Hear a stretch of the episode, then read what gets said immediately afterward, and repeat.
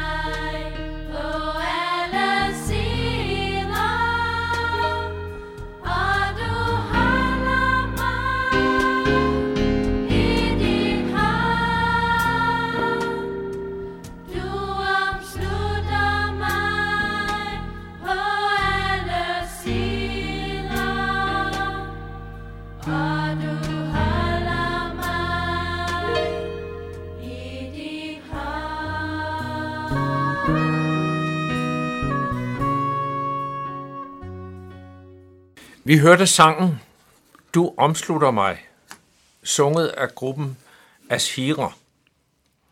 I den kommende uge er det Jørgen Bunde, som holder notabeneandagterne. Og jeg, Henning Gorte, har Jørgen her i studiet, og vil nytte anledningen til at præsentere Jørgen. Velkommen, Jørgen. Tak skal du have. Og tak fordi du er der vil påtage dig at holde disse andagter. Jo, men altså, det, det gør jeg gerne, jo. Det lyder Og jeg har godt. gjort det i mange år efterhånden, så... Og ja, og Jørgen, hver gang vi skal holde det her præsentation, så går jeg ind på din Facebook-side, for jeg synes, der er så mange spændende ting at finde derinde. Og så tænker jeg, at det siger lidt om dig. Mm-hmm. Du har nogle interessefelter. Blandt andet så har du et opslag om bibeloversættelse. Ja. Og så siger du, Bibelen er ikke oversat til over halvdelen af verdens sprog. Det lyder af Ja. mange, der er tilbage. Jamen, det er jo altså... Altså, jeg ved godt mange af de sprog, som er tilbage, det er måske ikke ret mange mennesker, der taler de sprog. Men altså, der er jo... Altså, der er nogen, som ikke har Bibelen på deres eget sprog, og ja, de har måske ikke engang et, et sprog overhovedet. Nej. Så derfor så er der stadig en kæmpe opgave med bibeloversættelse. Dels de, de mennesker, som er analfabeter, de skal først lige lære overhovedet at tale og skrive. Og så skal, de, så skal der findes sproglige udtryk, som passer til det, der står i Bibelen. Ja. Og der er en, det er en meget stor opgave med bibeloversættelse. Og øh, altså, jeg synes jo ligesom, jeg læser i Bibelen, at først så skal alle, alle have Bibelen på, og læse på deres eget sprog, for at, hvad skal man sige, frelseshistorien slutter, og Jesus kommer igen. Og det er også en vigtig opgave ja. med bibeloversættelse. Ser du, at der sker en udvikling i det? Ja, nu har jeg jo fulgt lidt med i, altså, altså der, jo, men altså, der, der sker noget, det går, det går fremad, det er helt sikkert.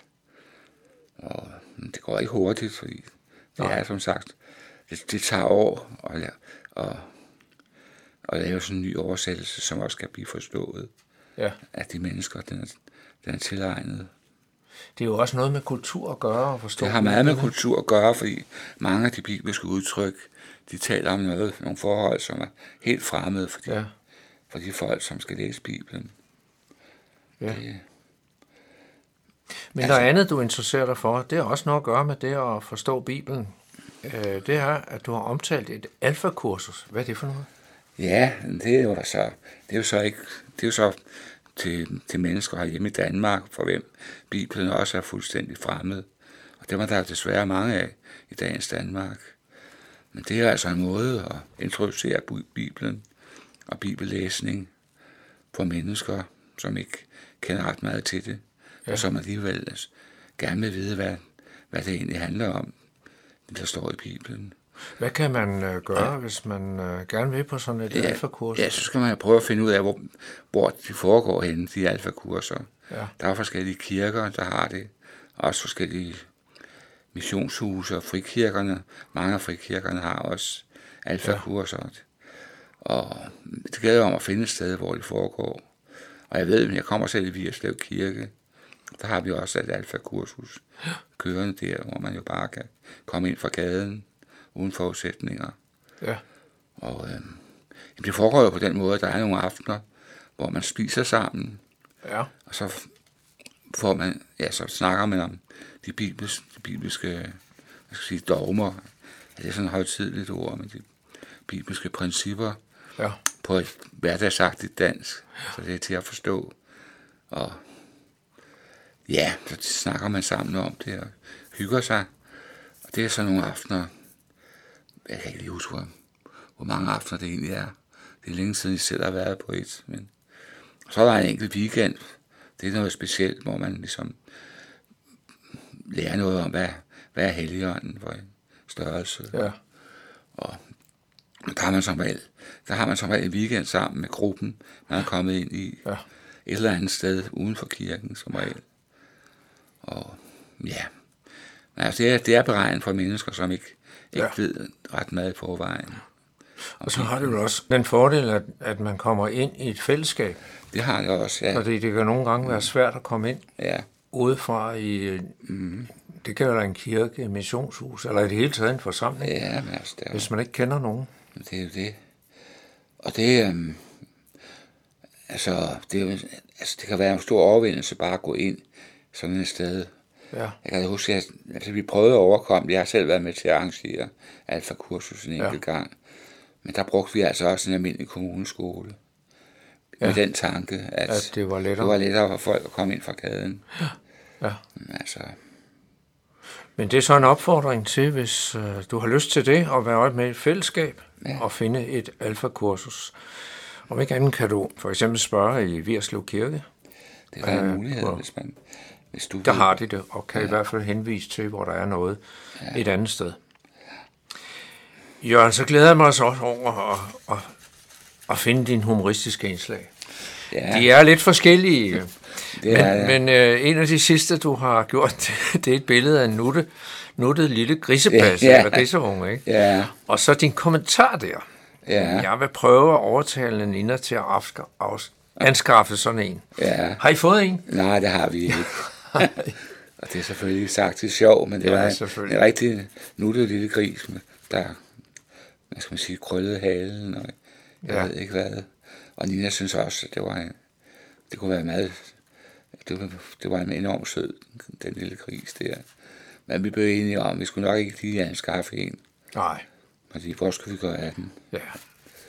Men øh, det, er så, det er så hyggeligt med den slags små humoristiske ja, indslag. ja, det synes jeg også. Og øh, selvfølgelig skal man jo ikke tage dem for andet end det, de er. Nej, det Men er, øh, nu er der noget, vi skal tage for det, der er, nemlig Efterbrevet. ja, Du har sagt, du vil sige lidt om Efterbrevet i den her uge.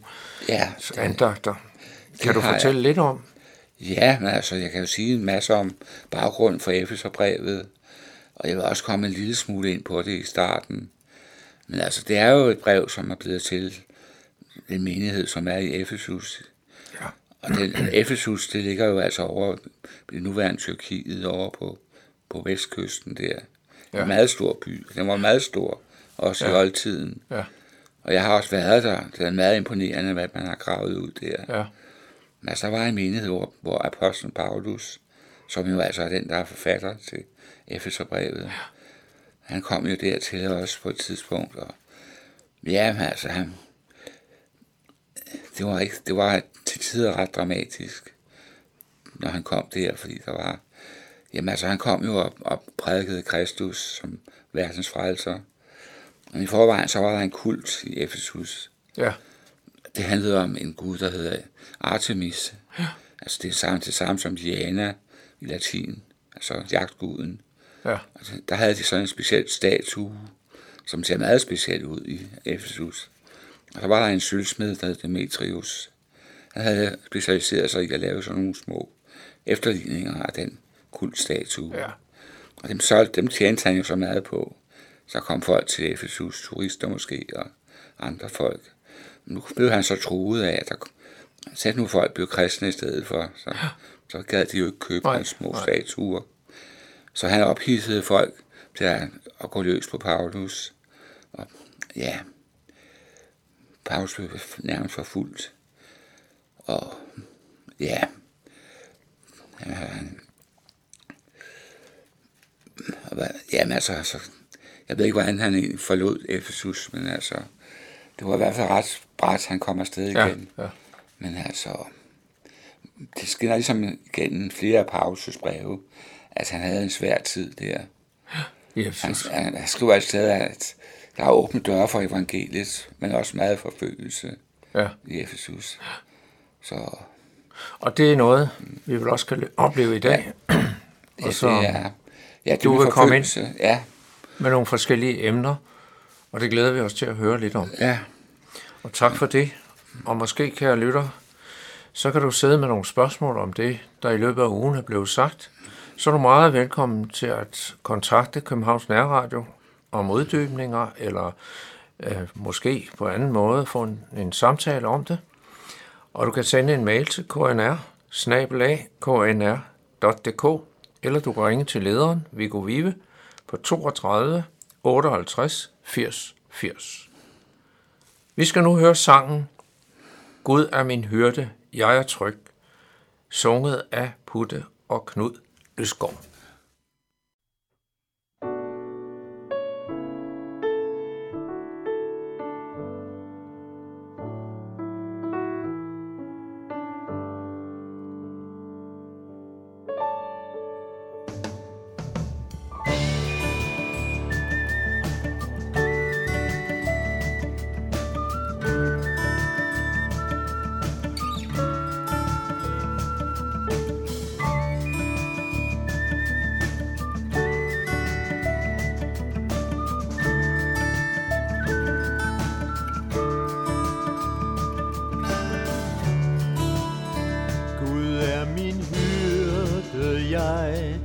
Er tryg.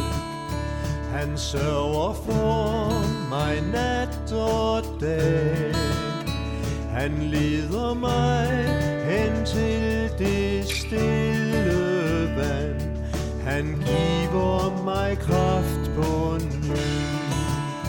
Jeg sætter alt mit håb til dig. Jeg sætter alt mit håb til dig. 14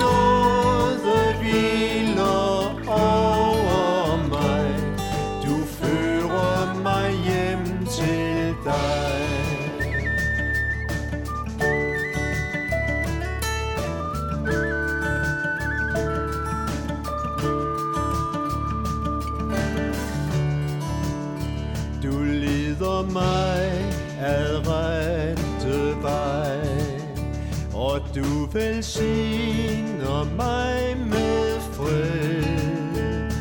Ja, min glæde flyder over nu. Din troskab, den følger mig. Jeg sætter alt mit håb til dig. Jeg sætter alt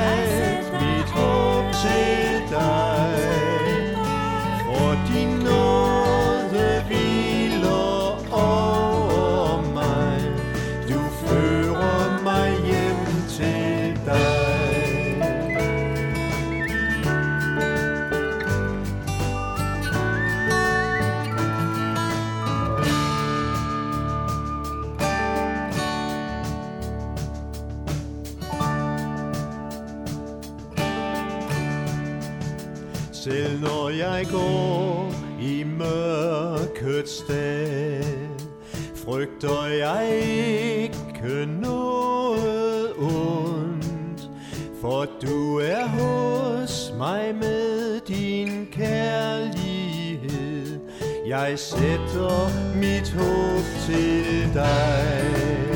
Jeg sætter alt mit håb til dig. Jeg sætter alt mit håb til dig. For din nåde vil